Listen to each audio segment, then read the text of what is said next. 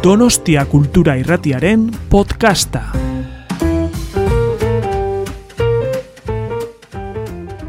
Lenik eta behin eskerrak eman nahi dizkizuet, eskerrik asko berriro ere Ernest Jukera etortzeagatik, zuek gabe, bakizute hau ez dela posible, baino baita ere eskerrak eman nahi dizkiot Ernest Jukeko taldeari. Ziklo hau interesgarria izaten ari da benetan badakizute literatura, memoria, politika, eta ja, bueno, hainbat liburu aurkeztu ditugu eta hainbat idazle interesgarri izan ditugu izan ditugu gurekin. Eta noski ba idazle hoiek gure gonbitea onartzea ere ba eskertu behar dugu. Eta gaur sekulako idazlea dugu gurekin Gabriela Biner decía que muchas gracias, es que ricasco y, y onguietorri, como decimos por aquí, bienvenida y muchas gracias por haber aceptado la invitación y venir a presentarnos esta novela retrato. Ahora vamos a, vamos a intentar ponerle una etiqueta, aunque es muy difícil, pero sobre todo muchas gracias por, por estar aquí en Donostia. No, gracias a ustedes, gracias a Donostia Cultura y a todas las que han venido, gracias a ti por presentarme y estoy encantadísima para hablar de lo que quieran. Como os decía, vamos a hablar de, de Huaco Retrato, que es la, nueva novela de, Gabriela. Y bueno, enseguida vamos a intentar hurgar en, las tripas de, la novela, pero antes, eh, por, si no, por si no la habéis eh, leído, no sé si sabéis lo que es un Huaco Retrato. Veo que algunos me decís, no, no, no, no.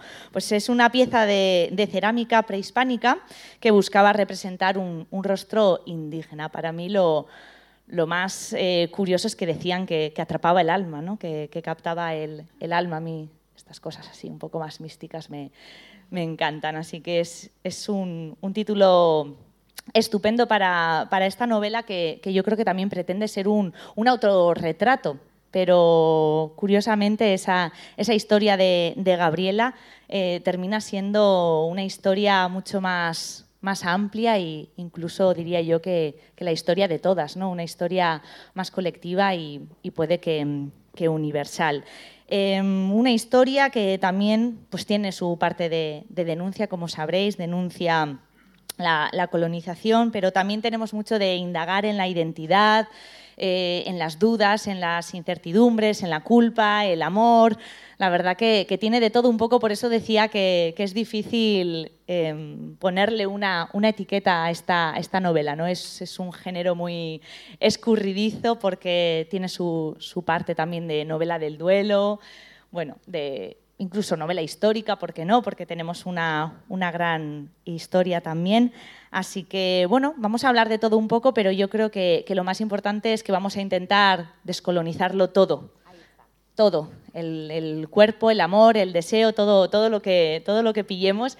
Así que mm, por eso, si os parece, vamos a, a empezar fuerte y vamos a empezar con, con, Gabriela. Ahí está. Que va a leer una, una parte de, de, de, la novela que creo que va muy bien con, con, esa intención de querer descolonizarlo todo, que es lo que hace la, la protagonista en la novela. ¿Sí?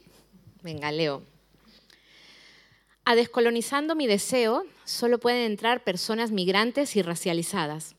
Por eso se presenta como espacio no mixto. No es grupo para blancos. Este quizás sea el único lugar en el mundo en el que ser pareja de una mujer blanca y delgada no es prestigioso, sino mal rollero. Aquí Rosy, aunque sea lesbiana, no es bienvenida. Aquí se mira con sospecha la blanquitud por convicción como una performance viva para revertir la mirada cruel de siglos sobre nuestros cuerpos. Se mira al poder con intransigencia porque el poder también es racial. Es una manera vengativa y simbólica de reclamar lo robado. Estamos en España. A cambio, nos reservamos el derecho de admisión a esta parcela.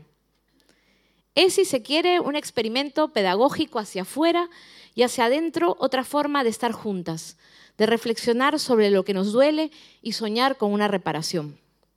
Lo primero que aprende cualquiera que tenga alguna curiosidad por el racismo en el mundo y una mínima voluntad de tomárselo como una llamada de atención al régimen es que si esta nueva y reluciente hostilidad te parece inversamente racista, no mereces estar aquí escuchando lo que tenemos que decir. Estamos sentadas en círculo en la sala más grande de la Ocupa y cada una cuenta quién es, de dónde viene, por qué ha venido, con quién folla y qué le pesa. Somos todas mujeres. solo por casualidad. Y al menos ocho de nosotras follamos con blancos o blancas, algunas incluso exclusivamente. La mayoría confiesa estar harta de sus matrimonios monógamos con señores o señoras españolas que las tratan con condescendencia, frialdad y con los que llevan meses sin tener sexo. Yo debo admitir, incómoda, que tampoco estoy follando mucho por primera vez en mi vida. Menos mal que aún tengo un marido cholo. ¿Quién diría que en plena ola feminista Jaime iba a ser mi única herramienta para descolonizarme? Así, y que estoy harta del poliamor. Cuento con un bochorno difícil de ocultar los últimos episodios de mi contradictoria vida, mi infidelidad anacrónica y los celos ingestionables dentro de mi relación abierta. Empiezo a temer que esto sea como un, como un grupo de follablancos anónimos que hemos venido a redactar los 12 pasos. Para empezar, ¿por qué querríamos dejar de hacerlo? Una de las dinamizadoras toma la palabra. Es una barranquillera grande, no binaria y marrón. La acabo de ver despidiéndose en el portal de su amante negra. Tiene mucho que enseñarnos. Me mira a mí y dice, no queremos dejar de follar con blancos, lo que queremos es empezar a follar entre nosotras. Hemos blanqueado el sexo, hemos blanqueado el amor, lo hemos racionalizado. El poliamor, por ejemplo, es una práctica blanca que no tiene en cuenta cómo funciona la circulación de la deseabilidad y sus límites para personas como nosotras, las feas de la fiesta. Desconfíen de los ojos azules y de la lógica del progreso aplicada al cuerpo. Hemos dejado de desear llamar cuerpos como los nuestros, nos hemos alejado de nuestras propias formas de vida amorosa y sexual, de lo que nos sale del coño. Lo intento, juro que lo intento, pero cada vez que me empeño, el culo pequeñito, suave y blanco de Rosy cobra vida en mi imaginación. Le salen ojitos y me mira como un personaje de Bob Esponja Hablamos sobre los y las follaindias y follanegras, blancos embargados de una culpa blanca que hace que se acerquen a nuestros cuerpos solo para fetichizarnos, pero también de lo que ocurre en nosotros, cuerpos racializados por ese mandato, por haber aprendido que los cuerpos deseables son los blancos, delgados y normativos, mientras despreciamos lo que se parece a nosotras. La teoría me la sé, pero ¿cómo me la meto al cuerpo? Cristóbal Colón me susurra al oído cada noche con voz de genovés su típica frase de pelotudo descerebrado. Nunca se llega tan lejos como cuando no sabes hacia dónde te diriges. Deseo a Rosy en parte por eso, por el síndrome de Estocolmo, porque ella no deja de avanzar sobre mi isla de mierda. Y ella me desea a mí porque le ayudo a borrar en parte la mancha colonial de su ADN. Al revés de cuando Colón supo que había oro en las Indias porque vio a una mujer llevando un piercing brillante, ella supo que me amaba cuando vio todo lo que me habían quitado. La conmuevo. Estamos aquí para poner en cuestión el deseo y descolonizar nuestras camas. Trabajemos duro en perder la fascinación por aquello que se nos enseñó como bello. Vale, me cuestiona el deseo. Lo hago con conciencia, pero me embarga la angustia cuando desaprendo esta fascinación por el colono, ¿seguiré queriendo hacer el amor con ella, compartir con la española mi vida o tendré que dejarla? ¿Será esta la solución a mis problemas? Si la blanquitud es un régimen político, ¿soy como el negro de Vox? Todo lo que sé. Todo lo que se entiende como bello y feo ha sido generado por ese sistema como axioma. Lo bello es blanco y tiene alma, dice nuestra gurú, mientras explica que un cuerpo no blanco no tiene posibilidades de ser deseado en ese marco, pero tampoco de ser amado, porque el paradigma no solo es estético, es moral y educa nuestro sentido del amor. También amamos lo que consideramos deseable como producto de una programación racista. Y lo feo que es, somos nosotras. La barranquillera termina de decir eso que me remueve lo del orgullo de las feas, de las expulsadas del reino, y propone una dinámica. Pone su mochila en el centro del círculo y empieza a sacar unos dildos de cristal y los reparte entre nosotras. Nos reparte también unos trozos de cuero, tijeras y nos enseña a confeccionar nuestro propio flog. Nos dice que vamos a jugar al juego del colono. Se quita toda la ropa muy rápido, la tira al suelo y dice, soy lucre y esto es lo que soy. Se toca partes del cuerpo, se da la vuelta, estira los brazos en señal de esto es lo que hay y nos pasa el testigo. Las demás se organizan. Yo me quedo sin pareja como en las clases de educación física en el cole. Y Lucre viene a ayudarme. Tiene las tetas casi tan grandes como las mías, pero mucho más redondas, las caderas anchas y un culo vasto. No es fácil estar vestida al lado de alguien desnudo. No recuerdo haber deseado un cuerpo así en mi vida, tan voluptuoso, tan oscuro. He deseado en las mujeres lo que quería en mí, delgadez, blancura. De alguna manera, Lucre es mi tarea para la casa, ocurriendo en plena clase. Sus ojos son esas heridas alegres y tristes que las marrones llevamos en la cara hace siglos, pequeños lagos casi orientales en los que tiembla la luz. Me mira intensamente, una especie de ardilla concentrada en su labor de roer el sistema que me posee. Se ríe todo el rato, como de algo secreto. Le hago gracia, me guía sobre su cuerpo y sobre el mío. Primero pego yo, luego ella, el colonialismo pega siempre en una dirección y sin consentimiento. Entonces, estamos creando otros marcos conceptuales. El dildo cristalino entre nosotras es hoy para acariciar.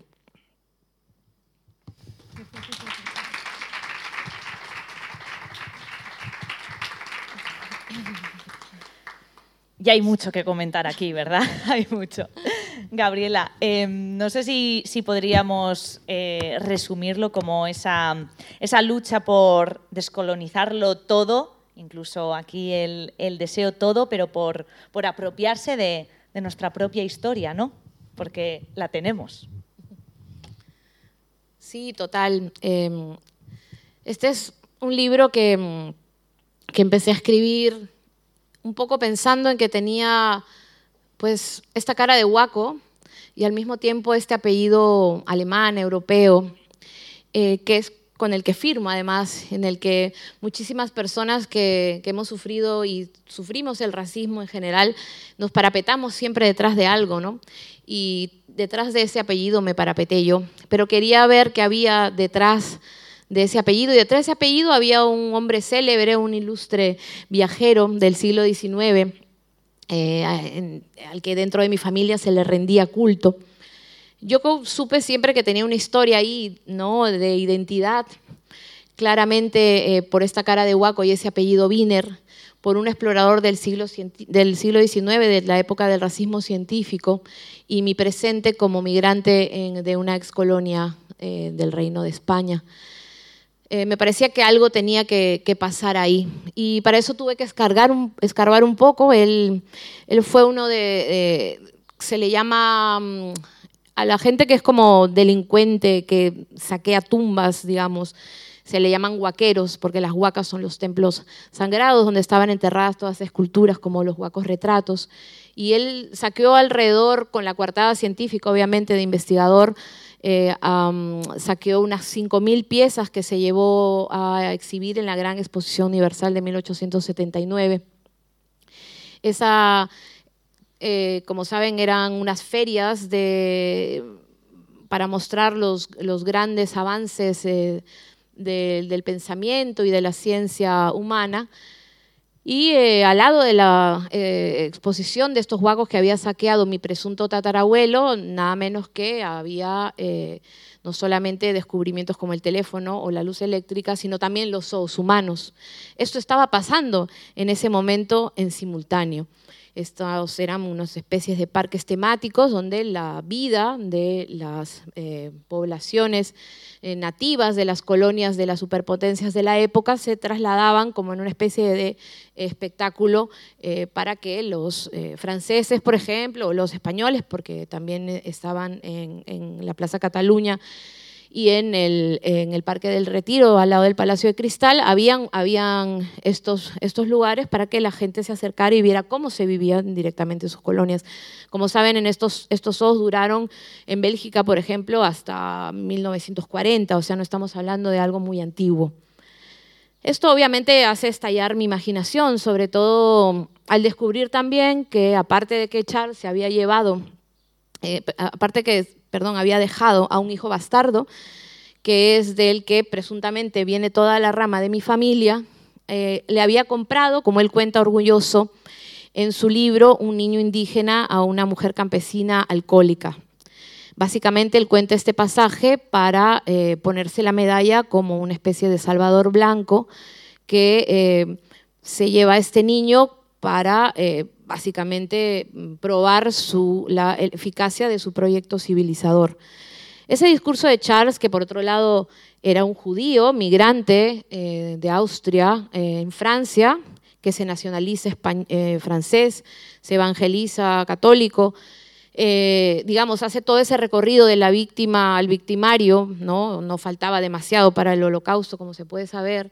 No es alguien que pregonaba el exterminio, pero sí que, sí que pregonaba la asimilación y esta cosa que aquí en España es tan, se habla ¿no? como como algo tan bonito llamado el mestizaje.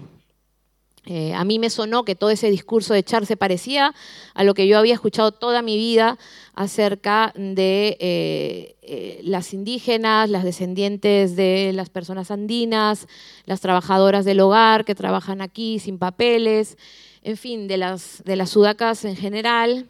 y de toda esta gente al otro lado del charco que pues por la que no sienten nada en realidad, eh, el español promedio.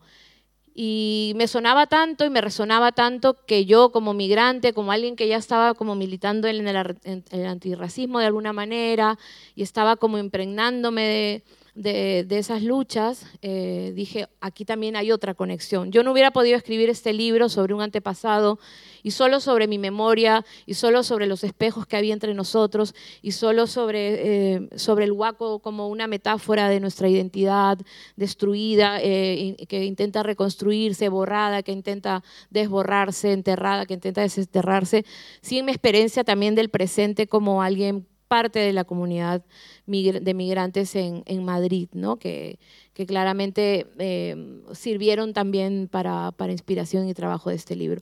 No solamente a través de lecturas críticas o teóricas, eh, uno escribe las cosas, ¿no? yo escribo sobre todo a partir de mi experiencia, eh, el libro, claro, habla sobre un presente, está vinculado, conectado con este tiempo y al mismo tiempo bebo de otras fuentes, gente del mundo del arte, por ejemplo, eh, crítico, disidente, queer, ¿no? como el colectivo Ayu, que es uno de mis referentes, o Daniela Ortiz, que es una artista peruana, que llevan mucho tiempo denunciando, denunciando desde sus espacios eh, artísticos y performativos eh, la colonialidad aún bastante latente en este país como eh, te decía al principio, Gabriela, es verdad que ponerle una etiqueta a la novela es, es, difícil, pero yo sí que al menos, bueno, he sentido tres viajes y el primero de ellos es ese viaje a, a investigar a, Charles eh, Wiener, tu, tatarabuelo.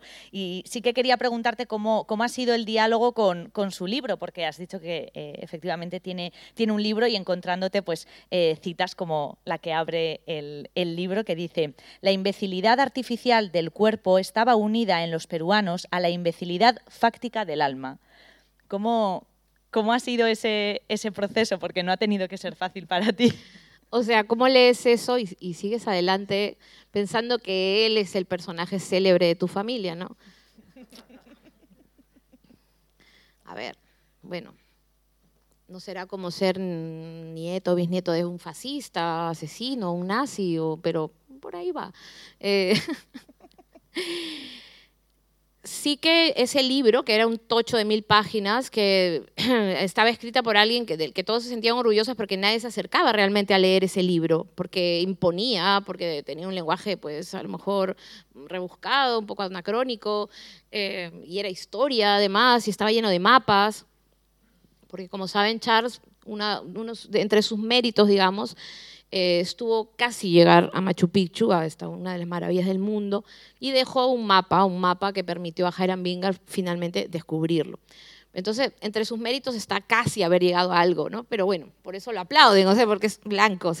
O, europeo, o yo qué sé, pero en mi familia era un personaje muy, muy reconocido.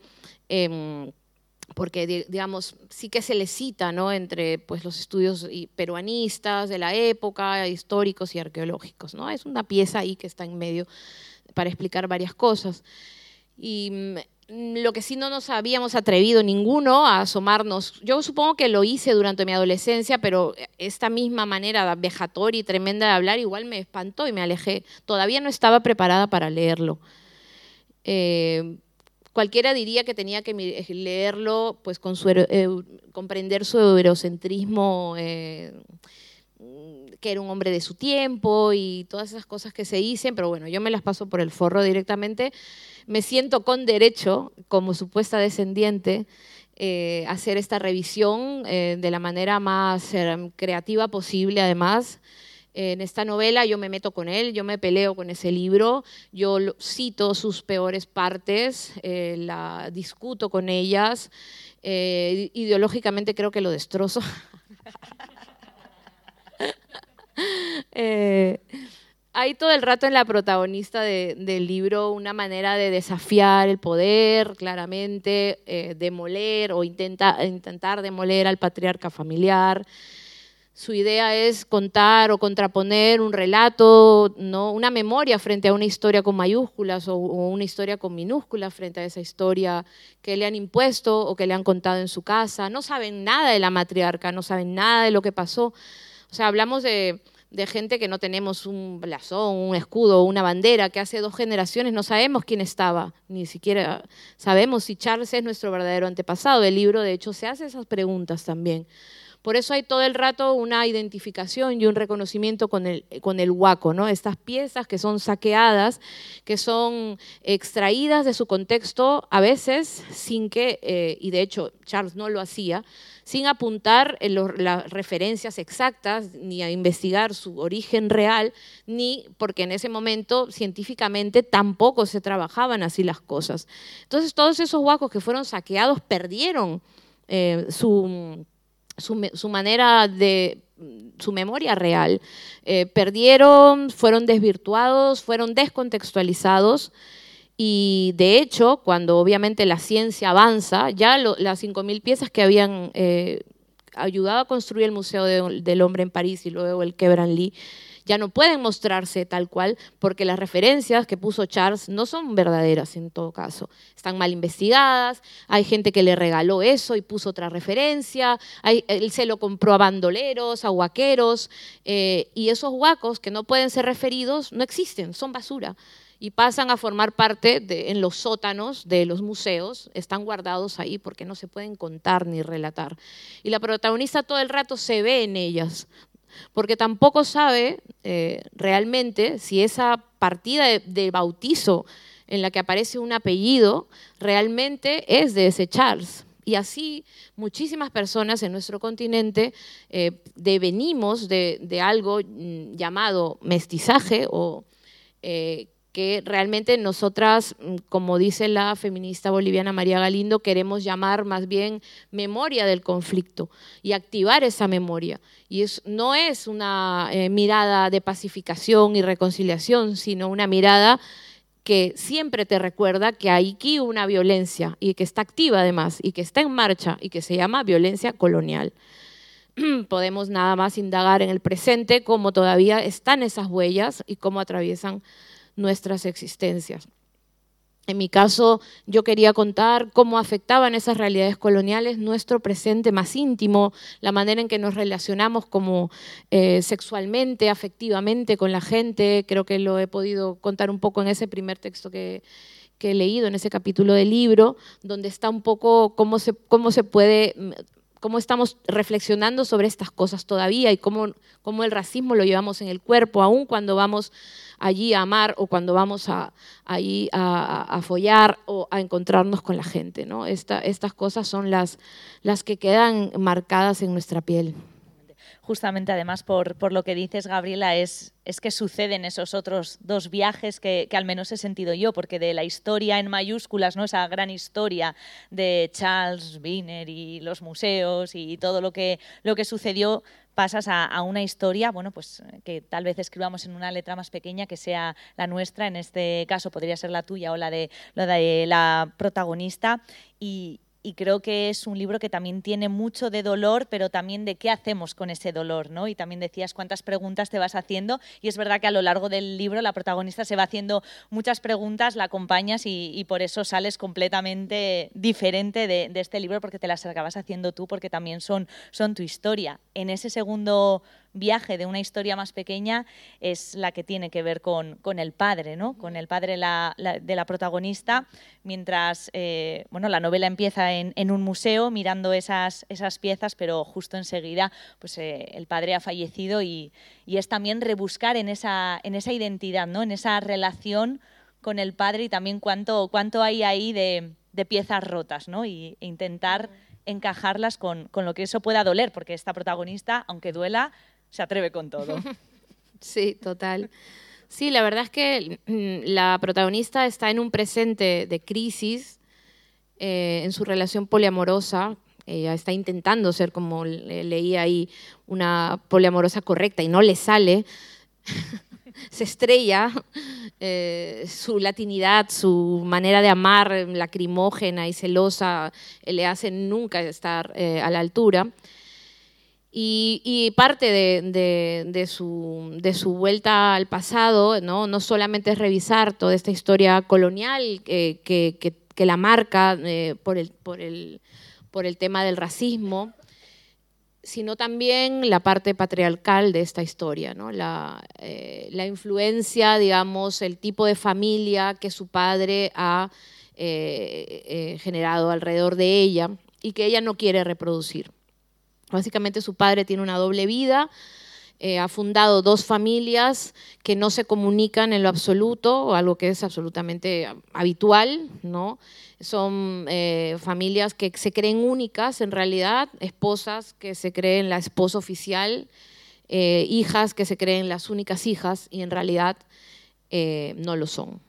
Para esto además ha construido toda una, además de construir esta ficción, utiliza un disfraz el padre se pone un parche en el ojo eh, en una de sus casas. Eh, de hecho, en su teléfono no dice casa 4617832, dice, mira, eh, dice Magdalena, tal teléfono, Jesús María, tal teléfono, porque tiene dos casas y tiene dos teléfonos y las dos son sus casas. Eh, esta chica protagonista ha crecido en ese hogar ¿no? y ha descubierto la mentira del padre, ha, sentido el, dolor de ser abandonada, ese dolor que, eh, o, de, tener que compartir eh, a, su padre, casi como si fuera la esposa o casi como si fuera la amante. Ha sentido también conectar ese abandono con ese abandono primigenio, el de Charles que deja a ese hijo bastardo. De alguna manera ella también reivindica eh, eh, eh, esta bastardía cuando sabe que tiene una, hermana que es bastarda, ¿no?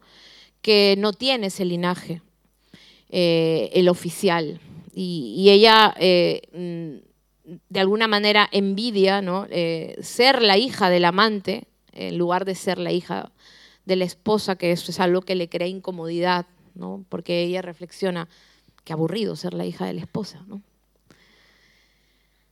Ella no quiere reproducir ese tipo de familia. Está, de hecho, en proceso de eh, recrear su propio modelo familiar, pero también este cojea. ¿no? Entonces, todo el rato eh, ella está trabajándose, intentando descolonizarse y al mismo tiempo despatriarcalizarse. Está obsesionada con esa chica blanca poliamorosa del amor libre que ha conocido en su migración en España eh, y, al mismo tiempo la cela, o sea, el colono la habita y, ella la quiere poseer. Se mira tanto como se mira eh, cuando mira su apellido, cuando mira el racismo internalizado que hace desear solo cuerpos blancos y no los cuerpos que se parecen a ella, porque finalmente se ha odiado toda su vida, porque el mundo le enseñó a odiarse. Eh, y, ella pasa por estas reflexiones todo, todo el rato. El, duelo con la muerte del padre desata esto, ¿no? desata la investigación en, la vida eh, oculta del padre. De hecho, ella cerró, o sea, hereda, perdón, roba. hereda el teléfono, eh, el móvil del padre y no tiene escrúpulos y todo ficción, por supuesto. en mirar, en mirar toda esa historia. Bueno, no voy a dar más spoilers, pero básicamente se dan, se dan encuentros con, con los dos lados de, de, la isla, como dice ella, ¿no? Eso es, pero ese segundo viaje es el que propicia el, el tercero, que es ese viaje a, a escarbar entonces en, en, esa vida de ahora, ¿no? En esa familia en, en crisis, bueno, en crisis está todo, el amor, el deseo, el cuerpo, lo, lo, lo está todo. Y esa lucha también contra el, el, patriarcado y cómo no, pues también el racismo está, está en todo. Y además cómo lo va sintiendo que, que lo lleva encima toda su vida, ¿no? En toda su historia, porque ese momento también en el que cuenta como pues de niña el llamarle a alguien guaco era, era una burla, pero también ella como intentaba renegar de del apellido de, de, su madre, pero apellidarse Viner era tener privilegios, ¿no? Y también todo el rato ese, ese momento de culpa, de, de, no solo señalar a los otros, sino arrinconarse una misma también y ver cuánta culpa hay en, en su interior. Uh -huh. qué, qué difícil eso también, ¿no, Gabriel? Sí, digamos que la reflexión sobre la, lo relacional está en el libro, es algo que yo he trabajado eh, en, en, mis columnas periodísticas, ¿no? que he hecho hasta una obra de teatro sobre el, pues, las contradicciones del poliamor, de cómo me estrellé ¿no? Eh, intentándolo eh, y, y, dejé de hacer propaganda. Aunque siga, aunque siga teniendo una familia de, tres, ¿no? pero ahora soy mucho más prudente, claro. Eh, en este libro como que he intentado eh, recoger es, todas esas historias y por primera vez coserlas con la ficción, ¿no? El hilo que une estas tres historias que mencionas eh, es, es, la ficción. Yo no la había usado nunca porque siempre había escrito crónica y no ficción. Y esta vez yo creo que también por las condiciones materiales en las que yo trabajo, y es que pues sí, ¿no? desde cierta precariedad, Mm, no me podía permitir el libro de investigación del, de, del antepasado, ¿no? ni tampoco siquiera la investigación de qué había pasado con esa mujer o el niño indígena que se llevó Charles, que eran cosas que en un momento yo quería hacer. Eh, finalmente el libro lo que recurre es a, la imaginación para llenar estos, estas fosas comunes también de la, de la historia, de esas pequeñas historias que quedan ahí eh, y esta es la, la historia que, que traje. En el presente poliamoroso de la protagonista hay, hay un montón de, de, de, paradojas que creo que es como no hay otra manera de vivir el amor y no hay otra manera de vivir las relaciones. Ella está en, en, un momento en que exige ¿no? a sus parejas eh, unas cosas que ella no puede dar o ella misma eh, eh, intenta eh, deconstruirse ¿no? eh, inútilmente y más bien se reencuentra con una identidad perdida también y con, unos rasgos que la abrazan. De alguna manera, encontrarse con su comunidad, eh, mirarse entre todas la herida, es una manera de repararse, no solo la denuncia hacia afuera, sino el, la sanación hacia adentro. ¿no? Ella está en ese en ese trabajo, que por supuesto no es una solución final, no es en, tampoco una salida, eh, sino que es algo que es, parte del camino, ¿no? parte del, de, del, proceso y creo que toda descolonización, aunque eh, la queramos así, eh, que sea ya de facto, en, no ocurre y siempre va a ser algo abierto, en marcha y siempre en proceso. Y creo que el libro... Mmm, trabaja el, tema, introduce el tema del, racismo en todo el tema de las relaciones amorosas y sexuales y en todo el tema de, la, de las violencias, porque quizá eh, esté faltando eh, esa reflexión.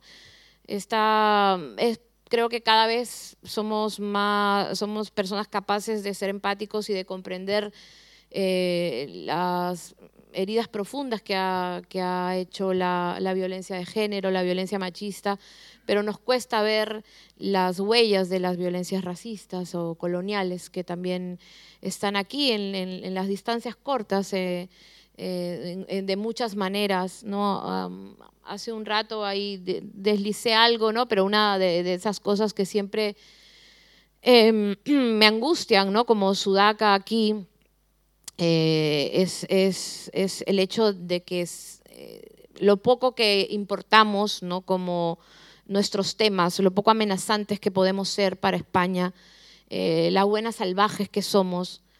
Y, es algo que yo digo, allí en Perú, eh, no hay diván donde te eches, donde no hables de la madre patria de España. No hay diván donde el análisis tuyo y personal sobre tu vida y tu análisis como sociedad y como país no pase por, por la colonia, por el imperio español, por el virreinato. Y de repente aquí te encuentras que nosotras no somos, todo lo que pasa ahí en Latinoamérica no es parte del autoanálisis y autocuestionamiento de la gente aquí. ¿no? Que más bien tienen respuestas formulares como si tú eres la descendiente de los conquistadores, no yo. Y no, o sea, aquí tiene que haber más implicancia, chicas. hay que cuestionarse, hay que cuestionarse más, ¿no? El, ego conquiro, eh, la historia de violencia, la historia de dominio, eh, porque si no, no estaríamos con esta ley de extranjería, pues, ¿no?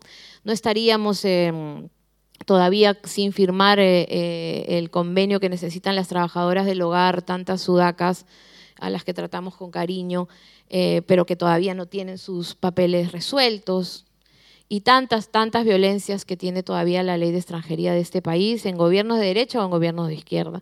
Por cierto, antes que me olvide, no se olviden de firmar la ILP por la regularización de más de 500.000 migrantes en situación irregular administrativa.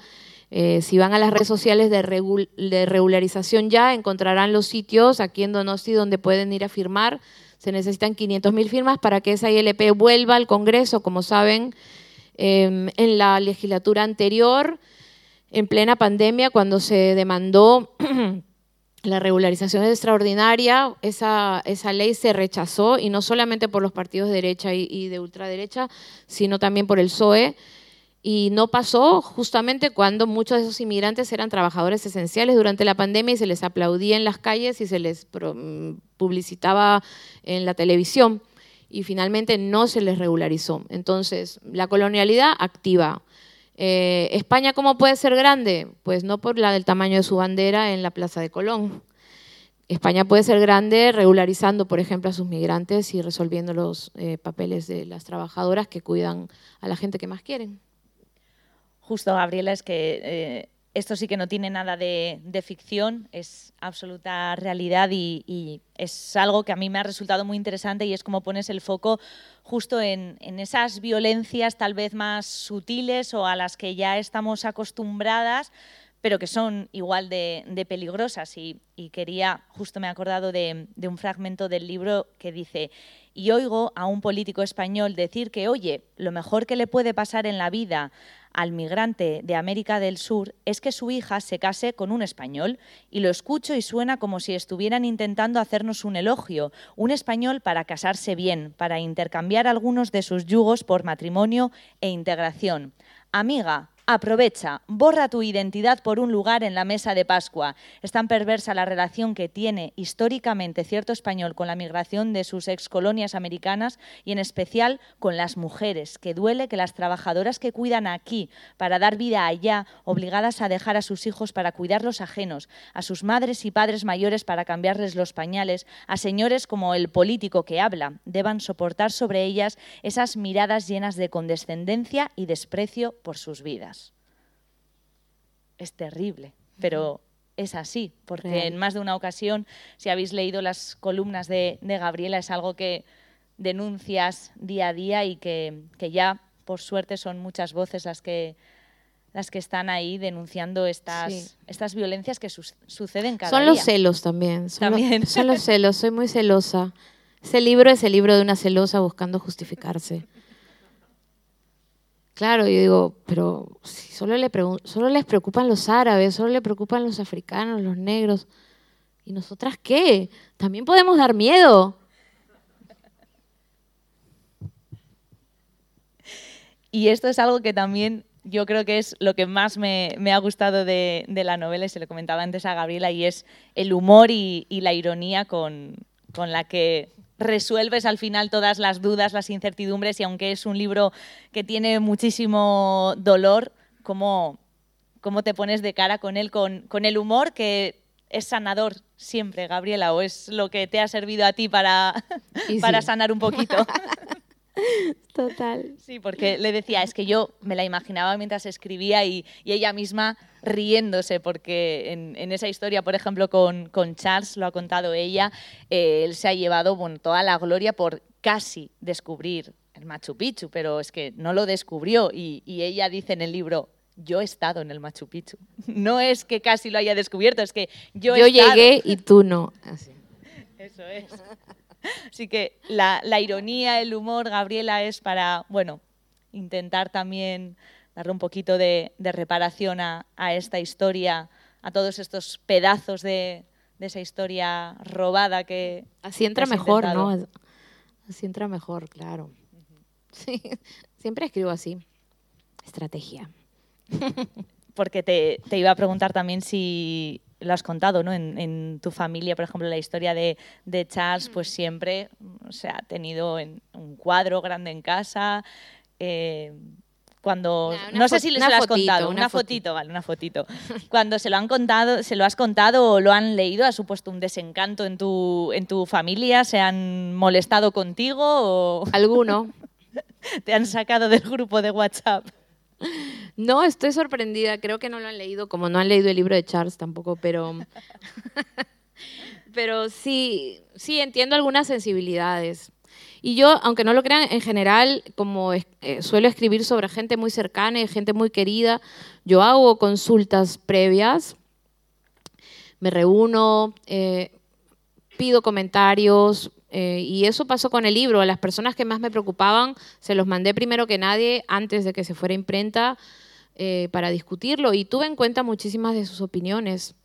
Eh, algunas cosas las rechacé, la mayoría obviamente, y con justificadas razones, y otras cosas sí que las incorporé y, y intenté hacerlo. Em, alguna gente no, no, no lo soportó, pero yo tenía la necesidad de que esto de que esto saliera también, ¿no? Y me sentía con derecho. ¿Cómo no me voy a sentir con derecho a hablar de mi padre, por ejemplo? ¿No? Em, obviamente hay gente que quiere mucho a mi padre y cree que igual le expongo con esta historia. Pero bueno, es una novela también. Ahí no está mi padre, está una parte de mi padre, ¿no? Si queréis hacer alguna pregunta, algún comentario, como siempre, ya sabéis que, que micrófono abierto también para que esta no sea una conversación a dos, porque lo estamos descolonizando todo, así que puede ser a tres, a cuatro, a cinco, a quienes queráis participar. Así que sentíos libres de, de levantar la mano, os acercamos el micrófono y si le queréis preguntar algo a Gabriela o O les leo mi poema Panchilandia. también. Tenemos un poema para, para el final.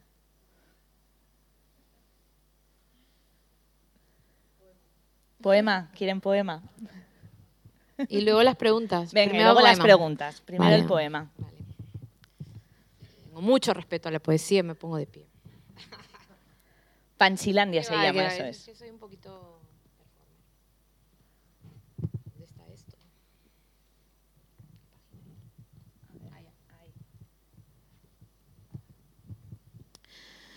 Panchilandia se llama este poema. Es el poema que la protagonista escribe en su taller de Descolonizando mi deseo. La primera vez que me dijeron que no estaba escribiendo en español, que no hablaba correctamente el español. Vosotros, no ustedes. Las correcciones son extirpaciones, echar de menos, no extrañar. El ciclón tropical lejos del núcleo cálido, una iglesia sobre una huaca, los cuatro caballos corriendo en direcciones distintas para desmembrar el cuerpo, para cortar nuestras trenzas. Migrar no es volver a nacer, es volver a nombrar lo que ya tenía nombre. Ese teléfono público cuando existían, en el que tardé más de la cuenta, y el hombre que no podía esperar vio en mí a una criatura bajada de los árboles que folla con las llamas. Esa fue la primera vez que me gritaron que me vaya a mi país, a mi casa. En realidad, volvería a casa, pero ya no tengo casa. Así que hice una en la que extrañar y no echar de menos.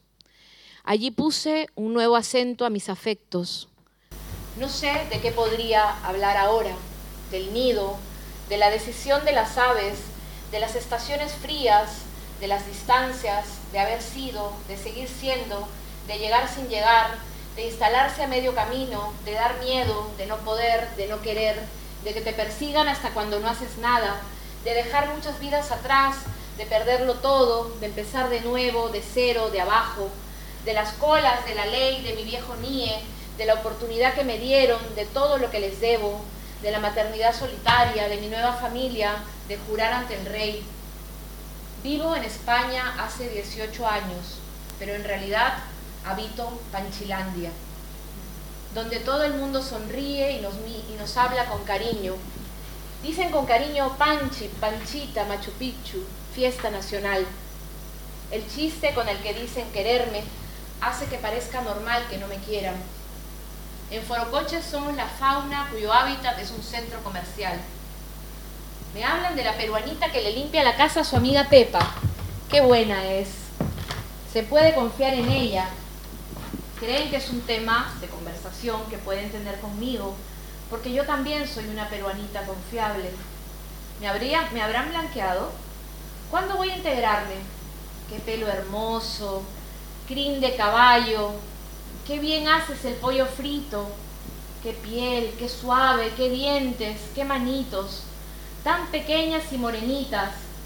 Podría bajar un bloque de hielo de la cordillera en mi espalda para purificar la cosecha. Me aplaudirían.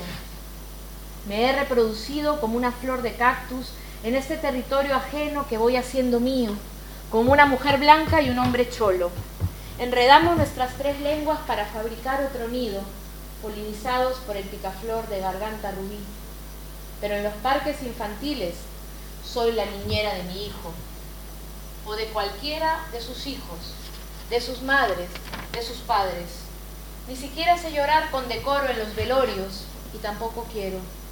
Solo sé hacer el indio ante la muerte. Mi teatralidad de culebrón, mis celos endemoniados, mis exabruptos, pero no volverán a cortar mi larga y negra trenza para tirársela a los perros. Minucias del privilegio de la migración con papeles. Hay tantos, sin embargo, que no volverán a ver sus ríos, apenas la odisea y el agujero negro del interno en el limbo del refugio, los que están aquí mejor que en el otro infierno. Todo pasa encadenándose de norte a sur, de sur a norte, como las parras en primavera, como las pelotas de goma que disparan mientras nadas en el tramo Marruecos-Ceuta, como una zapatilla Nike flotando en el Tarajal mientras el rey esquía con un completísimo equipo para la nieve. Nunca dejamos de buscar lo que fuimos para comenzar a ser lo que soñamos. En un movimiento que nos aleja de la frontera, ese lugar entre la vida y la muerte en la que un diputado de derechas abraza a la policía. Europa, les disparas en sus países, les disparas en tus colonias, les disparas en el agua, les disparas en las fronteras, les disparas en sus casas, les disparas en el corazón. Mi profesora de geografía en Perú, la que me enseñó la escala, la latitud y la longitud del mundo, le cambia el pañal a tu padre, España, ten un poco de decencia.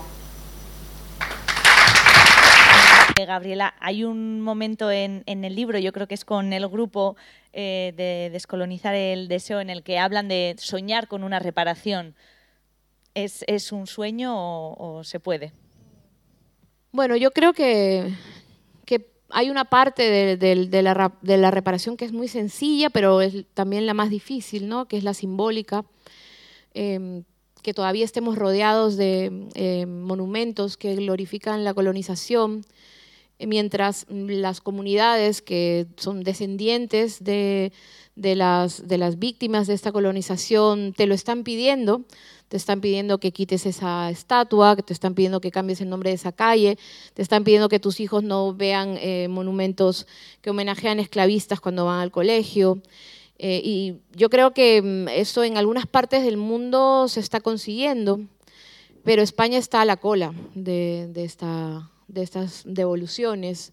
Ahí está el Museo de América intacto, por ejemplo, mientras que en otros países sí que se está repatriando el patrimonio eh, saqueado. Hay un trabajo de, memoria histórica por hacer eh, muy pendiente, pero claro, yo me hago la pregunta si no se ha podido hacer ni con los muertos de, de la guerra civil y del franquismo, si aún no han recogido los cadáveres de sus propias cunetas en sus propias calles, ¿qué les vamos a pedir que hagan con cosas que ocurrieron allá tan lejos y hace tantos años? Lo deseable es que ocurriera, pero pues hay que empezar también por casa y, hay mucho por, por hacer eh, en ese sentido, ¿no? Ahora mismo, pues, no sé, no hay ni una comisión de la verdad. Mira que en un país como el mío todavía eh, ya hay una, ¿no? En Chile hay una y aquí aún no se, no se ha trabajado um, a ese nivel. Entonces, sí, hay, hay la ilusión de que, de que, se pueda hacer, pero tienes en la contraparte todavía eh, políticos de, de, muchas, este, eh, de, muchos partidos y sectores que todavía lo que ensalzan es que em, eh, lo colonial es un orgullo nacional. ¿no? Eh, existe el, orgullo por España, en tanto España fue una potencia colonial y fue un imperio, y aún con esas nostalgias imperiales de volver a reunirse. ¿no? Y lo están haciendo a través de Vox, por ejemplo, en Latinoamérica. es aterrador, pero mm, en las últimas elecciones, cuando iba a ganar un comunista en el Perú, eh, eh, aparecieron gente eh, blandiendo la, cruz de Borgoña, banderas con la cruz de Borgoña, que era la bandera virreinal, y diciendo que se sienten hispánicos. Y tienes a Vox diciéndole a gente en Latinoamérica que son españoles. Y tienes a gente en Latinoamérica, de las élites criollas herederas de la colonización, diciendo que, le, que el, ¿cómo se llama? Felipe es su rey, ¿no? estas cosas eh, eh, están, están ocurriendo. Y tienes los discursos de la, de la derecha y la ultraderecha española mm, directamente eh, abocados a seguir celebrándose. O sea, es una maldita vergüenza que todavía el 12 de octubre sea su fiesta nacional, que el comienzo de la colonización, del genocidio, de la violencia, sea celebrado como tu fiesta nacional todavía, ¿no? Y eso quiere decir que, falta que, yo me atienda en este eh, el COVID, el COVID en un hospital que se llama 12 de octubre. Estas cosas son así. Eh, no es tan viejo ni tan antiguo. Estas cosas nos, nos rodean.